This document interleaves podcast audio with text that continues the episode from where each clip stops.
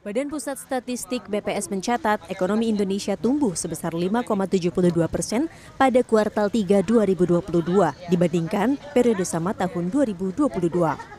Kepala BPS Margo Yuwono mengatakan secara global sumber pertumbuhan impresif tersebut berasal dari industri pertambangan, pertanian, perdagangan, dan konstruksi.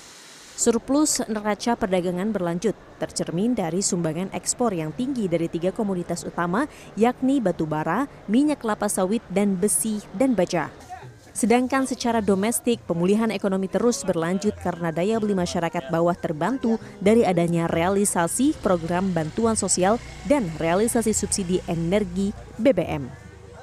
Pertumbuhan ekonomi kuartal 3 2022 ditandai dengan membaiknya keadaan ketenaga kerjaan nasional tingkat pengangguran terbuka menurun secara tahunan menjadi 5,86 persen atau sebanyak 8,42 juta orang.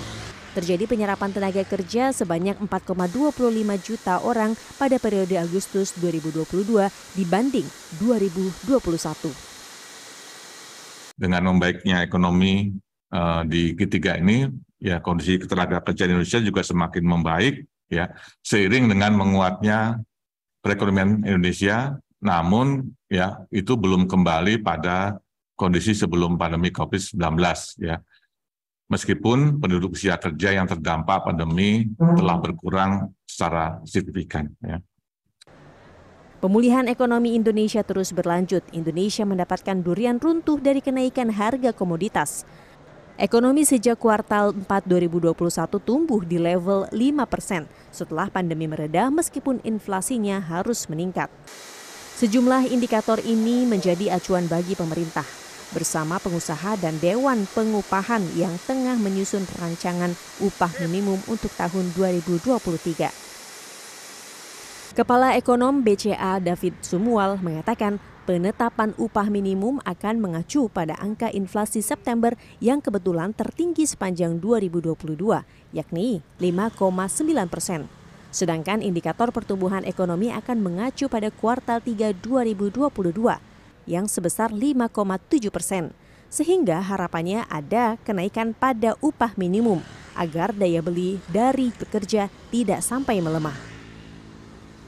Ya, jadi memang yang biasanya dipat dijadikan patokan untuk uh, apa uh, angka UMR itu adalah inflasi di September dan pertumbuhan di kuartal 3 ya. Jadi pertumbuhan kuartal 3 ini kan 5,7 lalu juga ada inflasi yang 5,9. Ya mudah-mudahan ke depan ini inflasinya semakin melandai. Jadi puncaknya memang di September gitu ya. Jadi uh, daya beli daripada uh, pekerja itu tidak menurun karena paling tidak perlu juga uh, ada semacam kola ya atau cost of living adjustment setiap tahun untuk menjaga daya beli daripada pekerja.